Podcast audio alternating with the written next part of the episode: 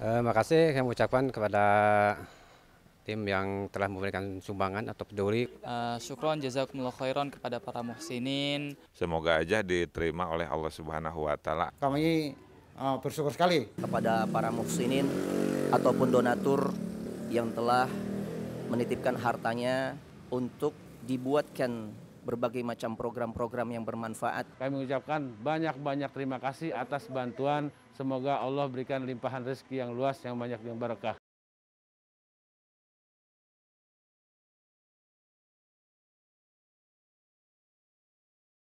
Assalamualaikum warahmatullahi wabarakatuh.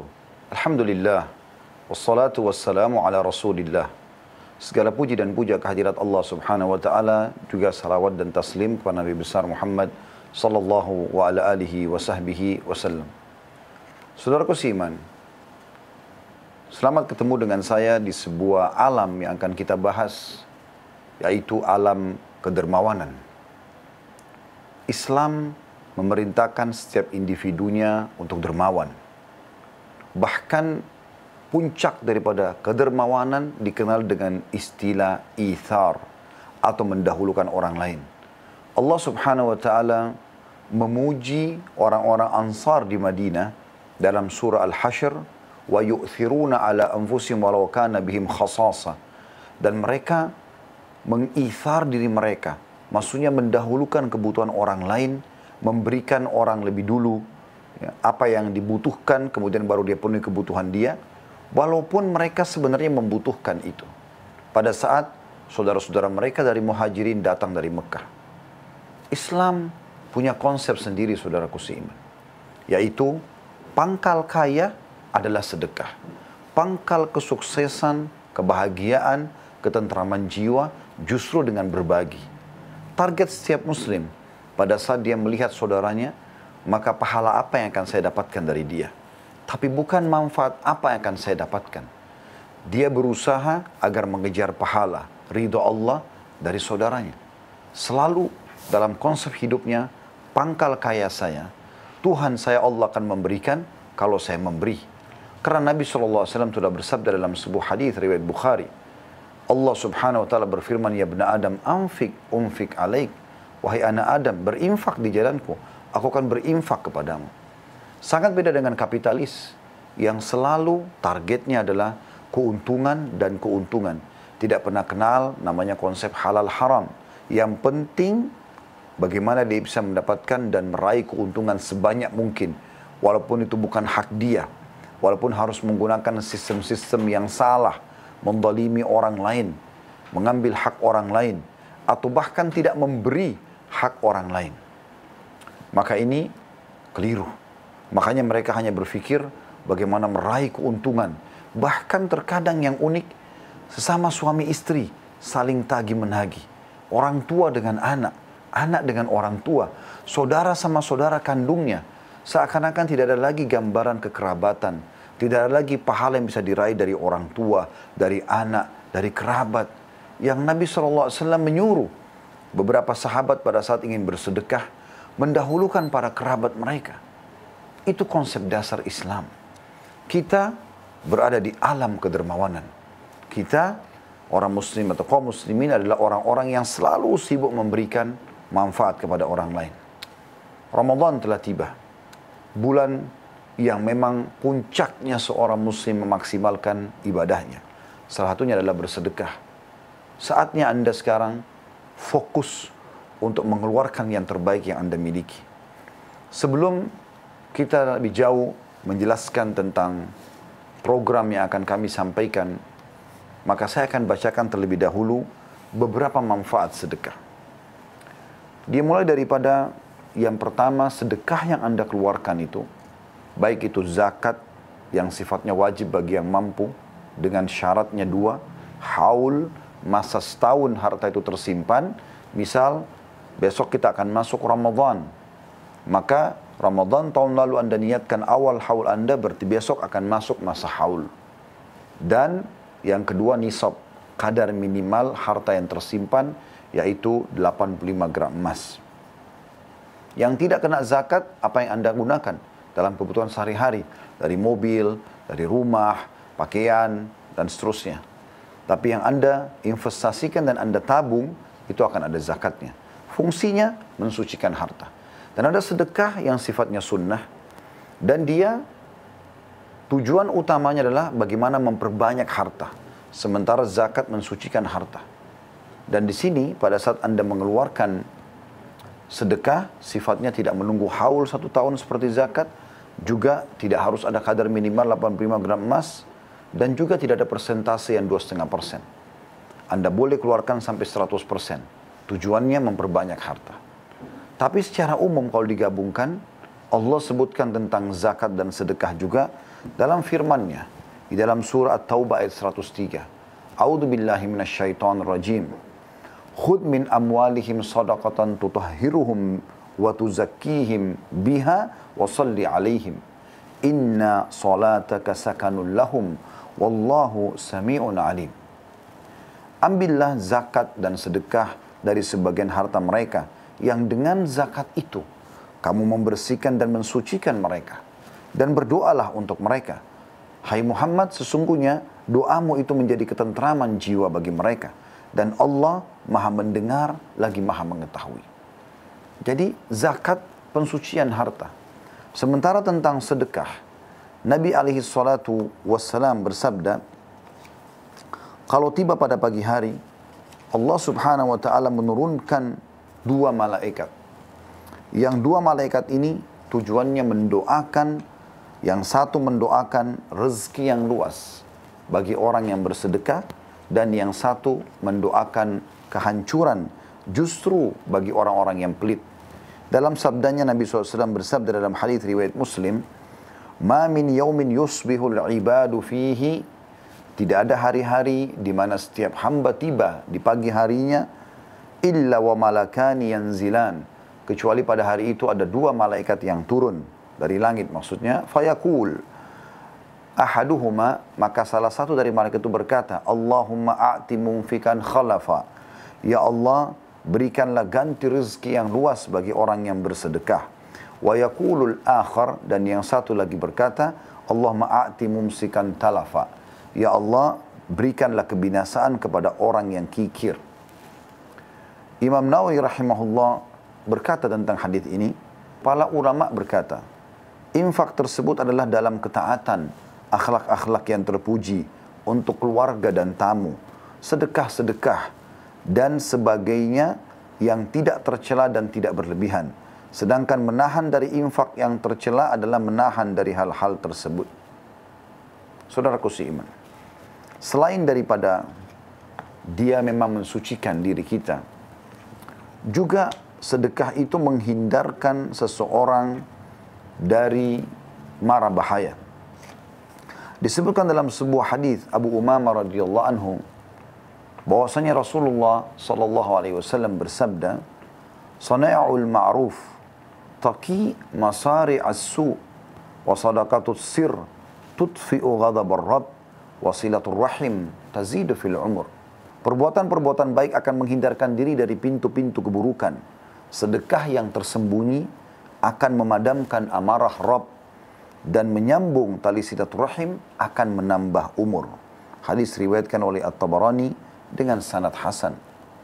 Juga di dalam riwayat yang lain dari Anas bin Malik radhiyallahu anhu bahwasanya Rasulullah sallallahu alaihi wasallam bersabda, "Inna as-sadaqata la tudfi'u ghadab ar-rabb wa tadfa'u an mitati su. Sesungguhnya sedekah itu dapat memadamkan amarahnya Rob seperti terjadinya bencana, musibah, ya seperti sekarang di masa sekarang ada corona, ya apa saja banjir, longsor, ya, penyakit yang menyebar, semua itu murkahnya Allah bisa diredam dengan sedekah dan menghindarkan diri dari kematian yang buruk atau su'ul khatimah. Itu Anda dapatkan. Juga yang ketiga Anda bisa dapatkan selain pensucian jiwa, Anda juga bisa selamat dari segala macam mara bahaya. Juga Anda akan berada di naungan sedekah Anda pada hari kiamat.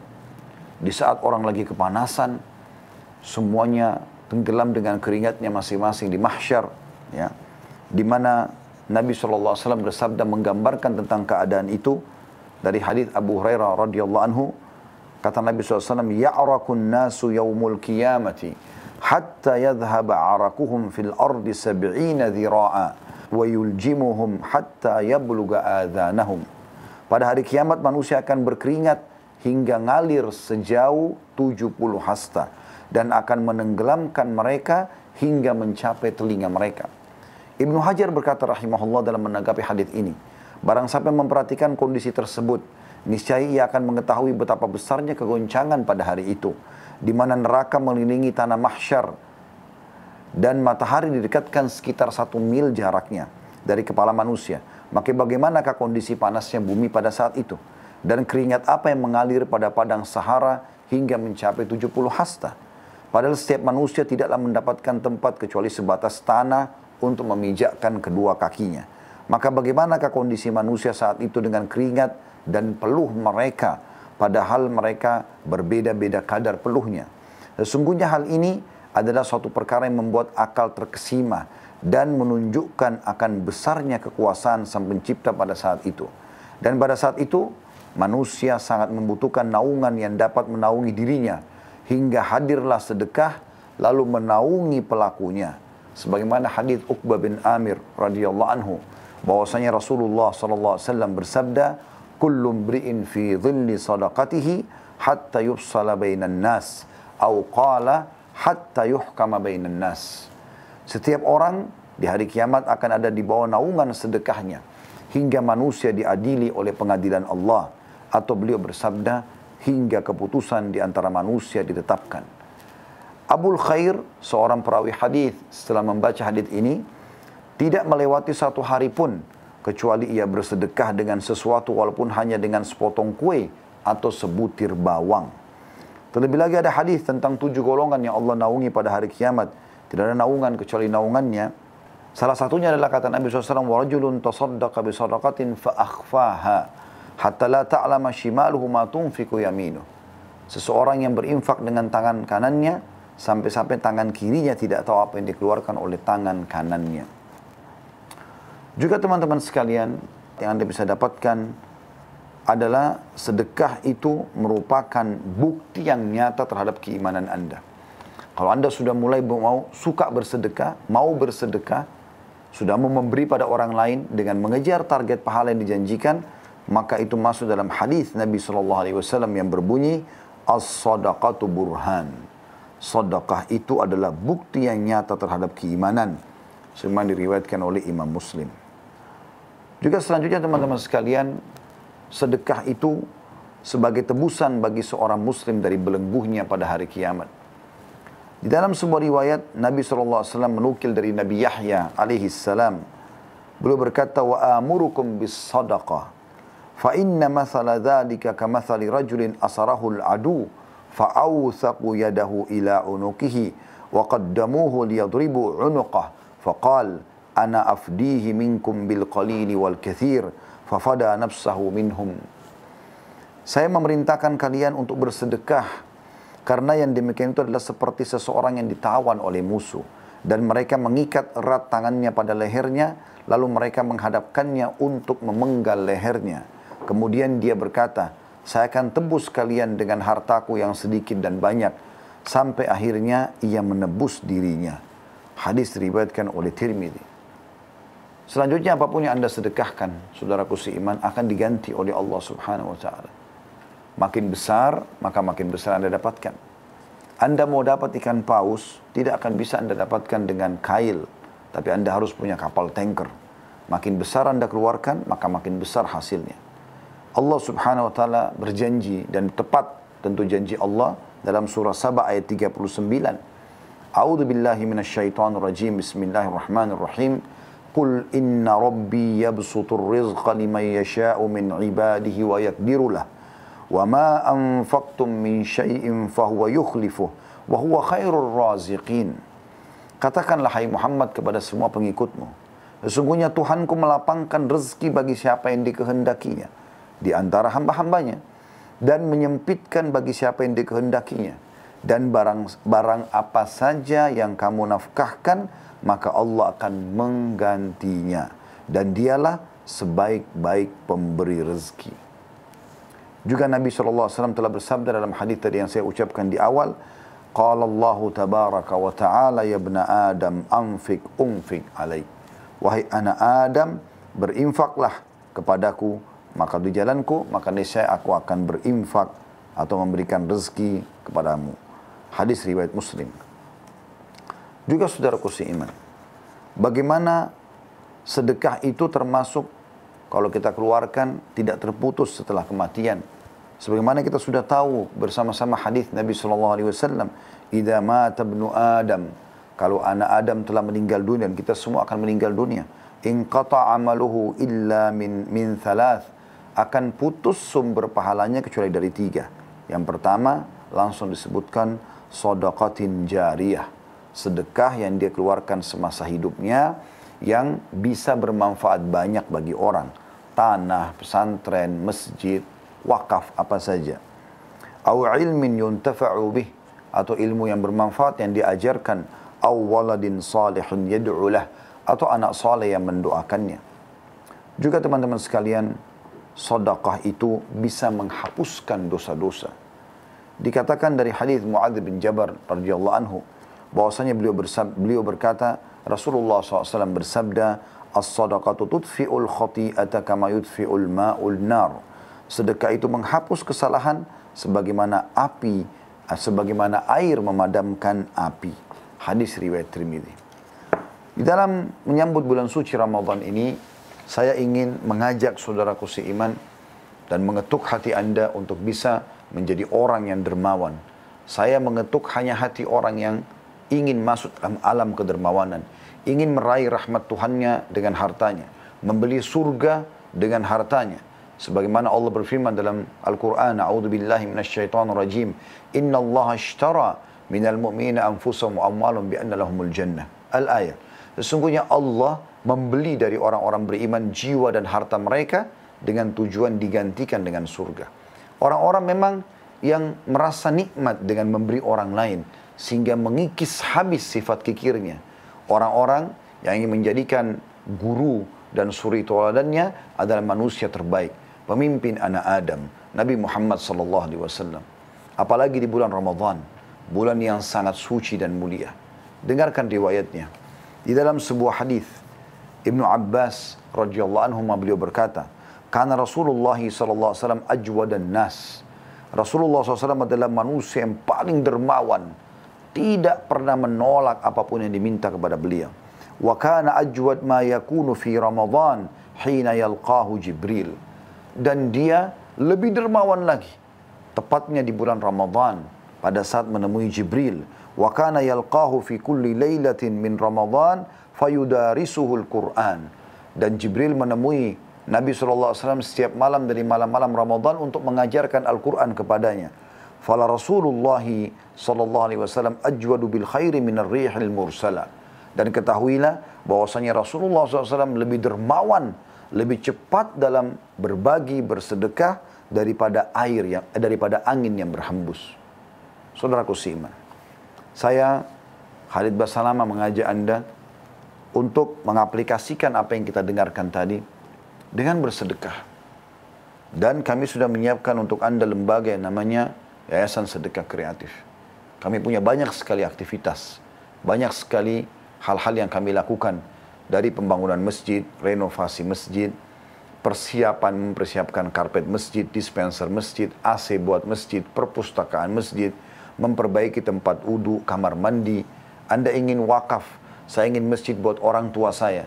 Kita akan membangunkan buat Anda di tanah yang diwakafkan sehingga bisa menjadi amal buat Anda dan juga orang tua Anda. Kami juga membangun rumah anak yatim, membiayai anak-anak yatim yang kata Nabi SAW, Ana wakafilul yatim kahatini fil jannah. Aku dan sponsor anak yatim akan seperti ini di surga. Jadi Nabi SAW menggabungkan antara jari telunjuk dan jari tengahnya. Alaihi salatu wassalam. Kami juga bergerak untuk membiayai janda-janda, orang-orang miskin yang tidak mampu. Kata Nabi SAW, orang yang mencari dan memenuhi kebutuhan para janda dan orang miskin, maka sama dengan mujahid di jalan Allah. Kami juga menerima semua bentuk sedekah yang Anda bisa keluarkan untuk memperbanyak harta Anda dan juga zakat mal yang paling tepat Anda keluarkan di bulan Ramadan insya Allah karena pahalanya dilipat gandakan dan ini adalah bulan suci, bulan yang penuh dengan rahmat dan berkah, maka Anda juga bisa alokasikan zakat malnya salah satu dari delapan golongan yang disebutkan sudah disebutkan dalam surah At-Taubah ayat 60. Orang-orang fakir, ya, yaitu orang yang tidak tahu mau punya mau makan apa hari ini apalagi besok. Kemudian orang-orang miskin ya, yang punya pendapatan tapi kurang. Kemudian amil zakat, orang-orang yang bekerja di yayasan atau lembaga lalu digaji dari situ. Kemudian para muallaf, orang-orang yang baru masuk Islam, orang-orang yang terlilit utang, ya. Muallaf yang keempat, yang kelima orang terlilit utang, yang keenam adalah jihad di jalan Allah. Yang ketujuh adalah ibnu sabil, ya. Dan yang kedelapan adalah pembebasan budak. Delapan golongan ini yang kita alokasikan yang tentu ada di negara kita Indonesia atau di sekitarnya yang bisa kita alokasikan. Juga tentu ada alokasi bunga bank yang khusus masalah ini dia tidak akan berpahala tapi hanya untuk mengeluarkan ya dan jangan sampai menumpuk di bank konvensional untuk Anda bisa alokasikan ke fasilitas umum, jalan raya, sumur, jembatan dan yang lainnya. Semoga Anda bisa bergabung bersama kami dan Anda termasuk masuk ke alam dermawan yang sudah kami ketuk tadi. Mudah-mudahan bisa menjadi amal jariah buat Anda. Dan sebagai penutup, ingat perkataan Abdullah bin Mas'ud radhiyallahu anhu, siapa di antara kalian yang bisa meletakkan hartanya di langit, maka letakkanlah agar tidak disentuh dan dijama oleh tangan pencuri dan tidak dimakan oleh rayap. Semoga bermanfaat. Subhanakallahumma bihamdika asyhadu an la ilaha illa anta astaghfiruka wa atubu ilaik. Wassalamualaikum warahmatullahi wabarakatuh.